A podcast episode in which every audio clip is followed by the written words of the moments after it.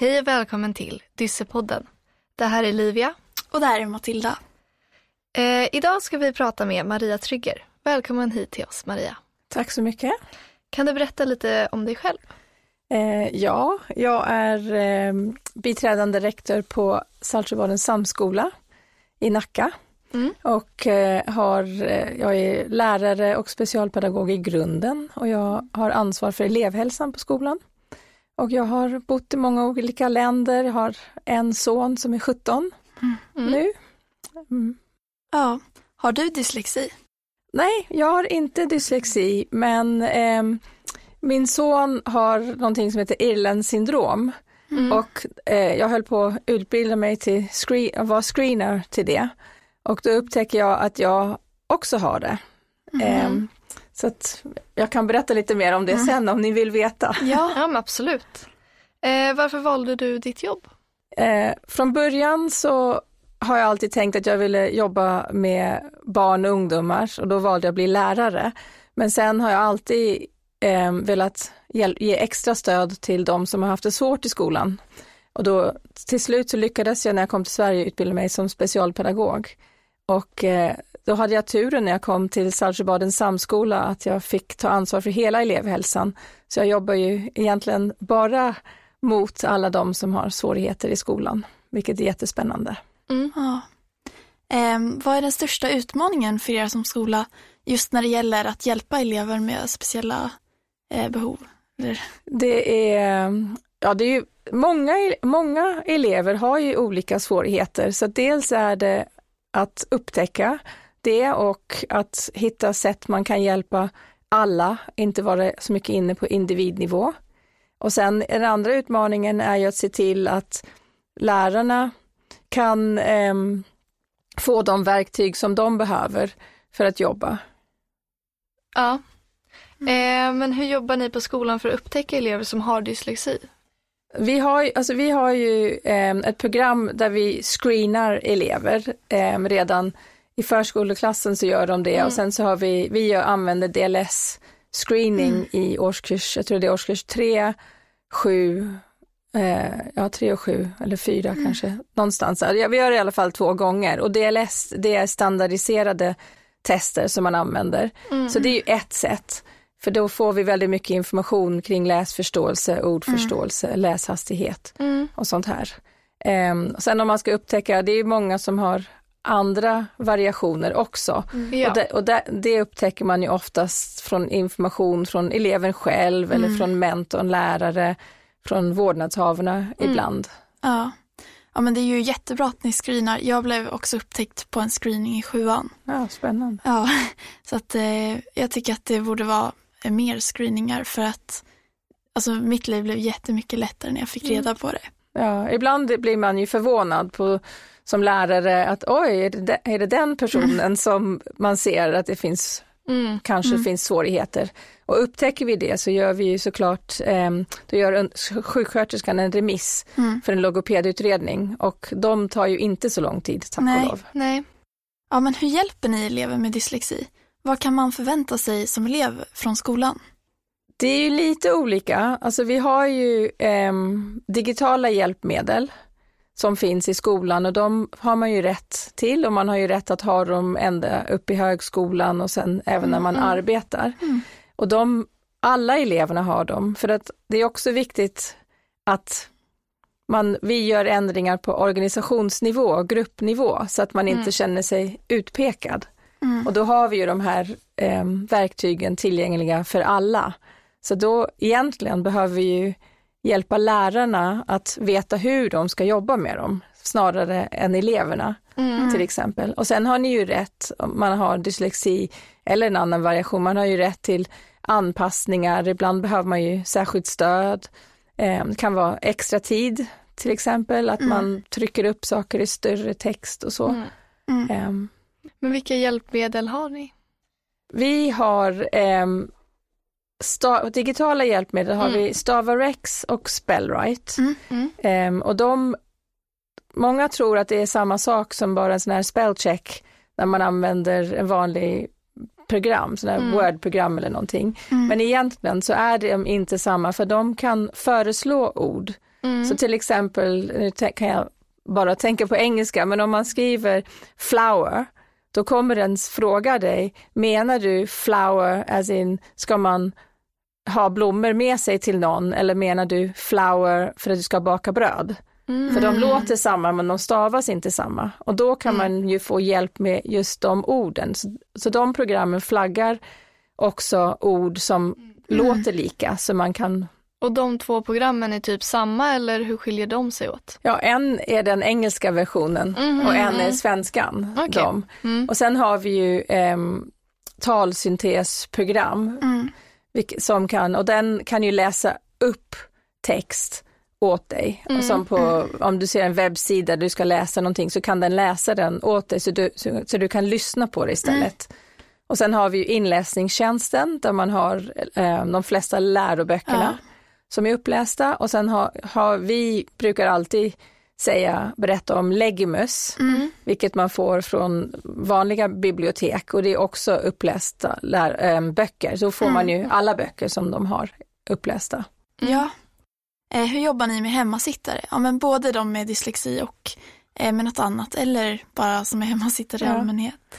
Alltså hemmasittare, jag tror inte jag stött på någon som bara har en dyslexi som är, har blivit hemmasittare. Men däremot så är ju, det är ju ganska vanligt att man har dyslexi när man även har kanske någon annan diagnos eller det behöver inte vara diagnostiserat men om till exempel vissa med ADHD eller så är det, det är mera vanligt om man har en autism.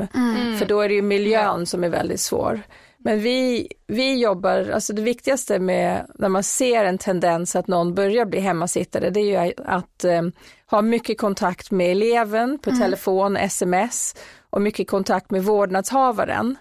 Och försöka få dem in till skolan även Ja. i kortare moment. Så, så att där behöver, tittar vi på olika åtgärder. Det kan vara kortare dagar. Det kan vara att man tar bort vissa ämnen om man tycker att vissa ämnen är för stressiga och för svåra. Eh, Men, det, men det viktigaste är alltid att hela tiden ha den här, skapa relation till eleven och försöka locka dem tillbaka till skolan även Ja. en liten bit. Ja. Så. Eh, hur sprider ni kunskap kring dyslexi eller andra funktionsvariationer till eleverna men också till lärare och annan skolpersonal? Till eleverna vet jag inte att vi gör det så väldigt mycket, eller Nej. har gjort det. Men vi på skolan nu till exempel har vi, vi kommer precis börja en eh, studieverkstad som vi kallar en feel good studieverkstad. Och där bjuder vi in, alltså vem som helst kan komma från sexan till nian och så har vi olika teman där vi kommer prata till exempel, den- kan det vara dyslexi, ett tema, då vi då sprid, berättar lite om det, sen har vi diskussioner och sen kommer vi avsluta med att man lär sig några strategier. Ja. Och, det, och då tar vi också en sån med ADHD, så det, det kommer växa utifrån vad eleverna önskar. Men gud vad bra. Det är ju jättespännande. För, Ja. Ja. men jag upplever verkligen att det inte är så mycket kunskap. Nej. Eh, Att folk inte faktiskt vet vad det är för någonting. Och det är ju Nej. jättetråkigt eftersom det är så vanligt. Ja, det är nästan bara de som har något som Ja. vet om det, inte de andra. Ja, jag håller med för att jag, jag har eh, upptäckt eleverna, vi ska, innan man skickar en remiss så finns det en massa frågor, underlaget som, som vi måste ställa till eleven då som vi vill remittera och då är en av frågorna kring eh, om bokstäver hoppar runt eller om de försvinner på sidan. Du vet, när man läser en linje så kan det bli lite Verkligen. konstigt på kanten så man inte ser de orden. Mm. Och då säger eleverna ja, och så frågar jag men varför har ni inte sagt någonting då? Och de bara, nej men jag vet ju inte att det inte är så här för alla. För att, Ja, hur ska man veta det? Ja men verkligen. Så, så att jag tänker desto mer man vet om vad Ja. det kan, hur, hur det känns, då kan de ju själva upptäcka det. ja. Så, Ehm, så det är ju ett sätt. Och sen till lärarna, där har vi, på våran intranät så lägger vi SPES, elevhälsan, vi lägger upp viss information. Och sen så har vi haft eh, någon informationskväll om dyslexi till exempel, där vi bjuder in vårdnadshavare och elever att komma. Och sen är det ofta mera i när det finns någon svårighet att våra specialpedagoger särskilt, de pratar ju och handleder ju lärarna i hur man kan arbeta med det och då sprider vi ju kunskapen på det sättet. Ja. Vi, vi har nog ganska mycket kunskap på just vår skola kring det här. Men det är helt fantastiskt. Det är jättebra. Ja. När, man, när man ökar eh, kunskapen så ökar man också acceptansen. Och att man eh, också gör att det inte är något konstigt. Ja, absolut. Och det, det är ju det, för att det här, allting är ju bara, alla har ju variationer, så det är bara en variation. Mm. Och det är också därför vi har en, vi, på Samskolan har vi en väldigt stark pedagogisk modell. Och det innebär att vi har byggt upp ett sätt som vi vill att våra lärare ska arbeta. Mm. Och det, det, att den är uppbyggd och är en modell, det är ju för att det, vi vet att det är många saker, att om de gör det och har tänkt på det när de planerar lektioner och genomför lektioner, då blir det ju lättare för alla. Mm. Mm. Verkligen. Så att, ja, Men vi måste fråga, vad tycker du är roligast med ditt jobb? roligast med mitt jobb. Mm. Jag tycker det är eh, jättespännande att jobba på skola, Mm. för att eh, det händer så mycket hela tiden. Och sen det som jag brinner för, det är ju faktiskt att hjälpa eh, alla att eh, lära sig så mycket de kan och få den bästa framtiden de kan. Mm. Och jag upplever att i min roll så får jag göra det extra mycket eftersom att jag jobbar mot de eleverna Mm. som har svårt. Mm. Ja, verkligen. Ja. Kan inte du berätta om det här med eh, skärmar? Ja, Vad sa du i början? Irlands syndrom. Mm. Ja, Ja. precis.